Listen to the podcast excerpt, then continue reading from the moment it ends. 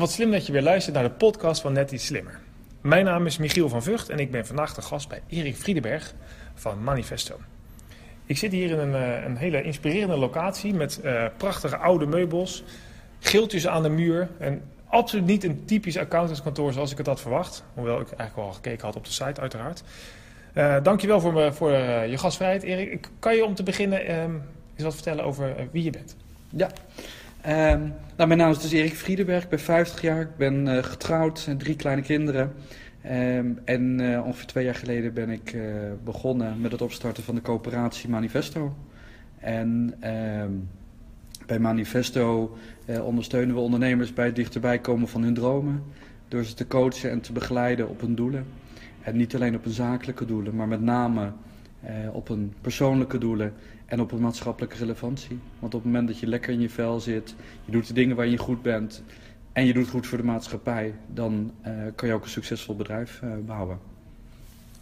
Ja, dat zoiets uh, zag ik ook op je filmpje inderdaad. En je hebt een, een, klein introductiefilmpje op je website staan. Daar, daar vertelde je ook dat je in je eerdere bedrijf al twintig jaar lang ondernemers begeleidt. in eerste instantie die ook wat financiële problemen hadden of die begeleiding nodig hadden bij hun wensen. Is, dit ook, uh, is dat de start geweest ook van jouw denkrichting uh, die uiteindelijk geëindigd is in Manifesto? Ja, dat klopt. Ik heb uh, me, bij mijn vorige bedrijf heb ik veel ondernemers begeleid die in de financiële problemen dreigden te raken of raakten. Vanuit daar ben ik gaan bedenken van, goh, hoe komt het nou dat dat, dat gebeurt? Waarom komen die ondernemers nou in de financiële problemen? Waar hebben ze behoefte aan? Um, en dat ben ik gaan ontwikkelen. Dus ik uh, kwam er heel erg achter uh, dat ze eigenlijk de behoefte hadden om, om vaker min of meer gedwongen uit hun bedrijf te halen. Naar een inspirerende omgeving. Om samen met hun te kijken van, goh, zij doen ze nog de goede dingen? Um, hoe gaat het met hunzelf, met hun bedrijf? Um, en wat me ook opviel was dat ze allemaal een boekhouder en accountant hebben. Maar of geen cijfers, of te late cijfers, of cijfers die ze niet begrepen hadden. En nou ja, ik had zoiets van in de tijd uh, waar we een real-time buienradar en fileberichten hebben. Hoe is het dan mogelijk dat ondernemers nou, dus niet de cijfers krijgen die, uh, waarop ze kunnen sturen? Uh, en dan nog ook nog eens het vak boekhouden moeten leren, terwijl ze eigenlijk gewoon willen ondernemen. Nou, dat zijn eigenlijk de uitgangspunten geworden. Waarbij ik het ook belangrijk vind om met ondernemers samen te werken, meer dan uh, opdrachtgever, opdrachtnemer te zijn. Uh, en op een is, is, sorry, is, dat, is dat ook de reden geweest dat je dan een, een, coöperatie bent gestart? Want dat vond ik wel bijzonder. Ik, je hebt het over leden in plaats van over klanten. Is dat, uh, is dat ook de achtergrond geweest? Echt meer samenwerken in plaats van uh, voor iemand werken? Ja, dat klopt. Nee, we hebben ervoor, eigenlijk kwam logischerwijs uit de, uit, uit de plannen die we hadden, kwam de coöperatie naar voren. Enerzijds omdat ik het heel prettig vind om met mensen samen te werken, omdat er toch een andere dynamiek ontstaat. En anderzijds omdat we ook duidelijk wilden maken dat we een, een, een sociale onderneming zijn, zoals dat zo mooi heet. Dus maatschappelijke doelen, maatschappelijke waarden belangrijk vinden en dat het maken van winst uh, veel minder belangrijk is. Natuurlijk hebben we winst nodig om, uh, uh, om te kunnen groeien om onszelf duurzaam voor te kunnen zetten. Maar het is geen doel op zich. En uh, zeker is niet het doel om zoveel mogelijk geld te verdienen. Dus op die manier willen we duidelijk aan de accountancy ook laten zien dat het veel leuker is om ondernemers intrinsiek te ondersteunen, te begeleiden, te verbinden met andere ondernemers, te inspireren. En, uh, um, en, en, en dat dat veel leuker is dan een jaarrekening maken of om proberen om zoveel mogelijk geld te verdienen. Dus daarmee willen we ook het goede voorbeeld in de accountancy geven. Ja, want dat viel me ook al op. Ik zat uh, natuurlijk uiteraard uh, ter voorbereiding op dit gesprek te kijken naar jullie uh, uitstraling en propositie. En het viel me daar wel aan op dat je, als je een gemiddelde accountant denkt, dan, dan denk je toch dat is iemand die werkt of die werkt voor een onderneming. die kijkt naar de onderneming en de cijfers en de, en de duurzaamheid daarvan. En jullie benaderen het heel erg vanuit de ondernemer, die ook een onderneming heeft. Dat is toch net iets anders. Um, als ik zit hier uh, te kijken en ik zit naast een muur en er staat op... Uh, jouw droom, jouw missie en de doelen die jij jezelf gesteld hebt... zijn daarbij ons uitgangspunt. Altijd. Uh, kun je eens uitleggen wat, wat jou dan echt anders maakt dan, die, dan de gemiddelde accountant? Ja, dan kan ik nou eigenlijk beg beginnen wij daar waar de meeste accountants eindigen. We beginnen inderdaad bij de ondernemer. Bij de ondernemer. Um, en ook de onderneming. En zeker ook de maatschappelijke relevantie. En ook in die combinatie... Um, en dat is ons uitgangspunt en daaruit beginnen we. En um, daarnaast ontzorgen we ze ook op administratief gebied, daar waar nodig, om te zorgen dat ze recente cijfers krijgen, actuele cijfers, waardoor we ook kunnen kijken of ze inderdaad die goede weg aan het gaan zijn.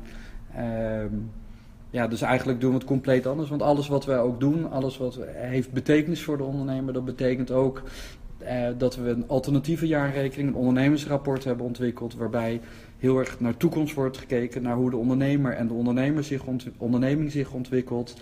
Ehm, hoe een waardeontwikkeling is. Want uiteindelijk is geld een middel en zijn de waarden het doel.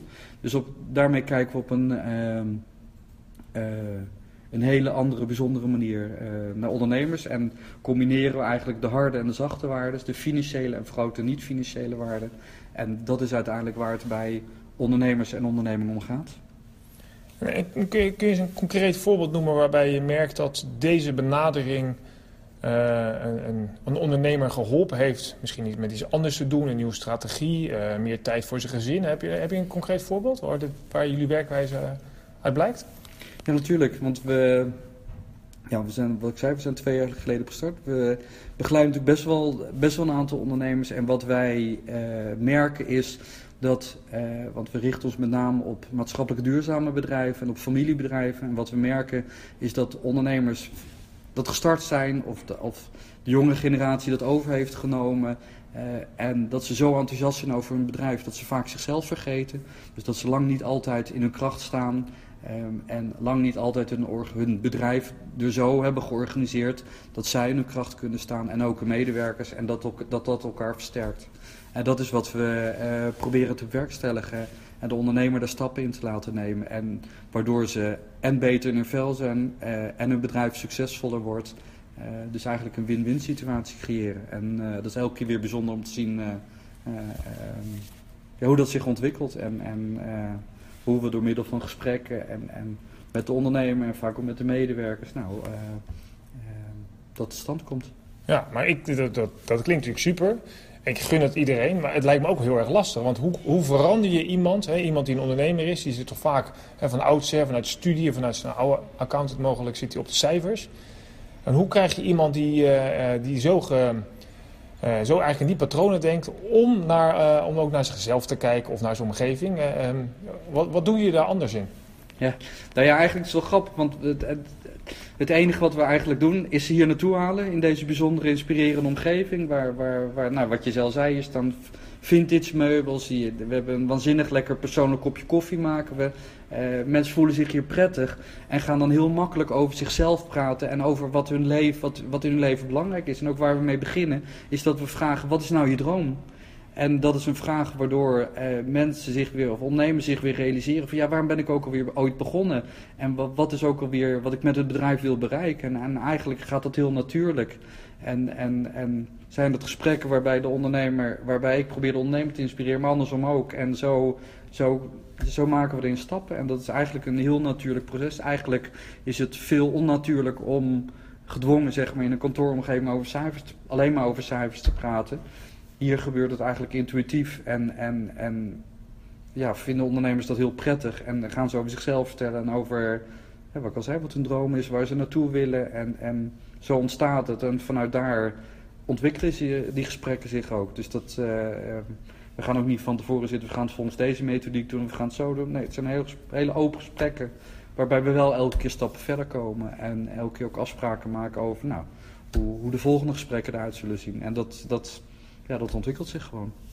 Ja, en ik kan me wel dus ook voorstellen dat, dat eigenlijk niet iedereen hierbij past. Dat je ook wel op zoek bent naar een specifieke uh, type persoon mogelijk, of ondernemer. Of zeg je nou eigenlijk is onze methodiek voor iedereen wel geschikt? Of heb je een, een doelgroep of uh, in zakentermen uh, doelgroep of benadering, positionering waar je je op focust? Nee, dat klopt. Niet iedereen past bij ons. Ehm, wij richten ons met name op maatschappelijk en duurzame bedrijven en op familiebedrijven. Overigens is iedere ondernemer en onderneming welkom bij ons, zolang ze maar niet voor winstmaximalisatie gaan. Want op het moment dat ze voor winstmaximalisatie gaan, dan gaat het altijd ten koste van de mensen en de maatschappij.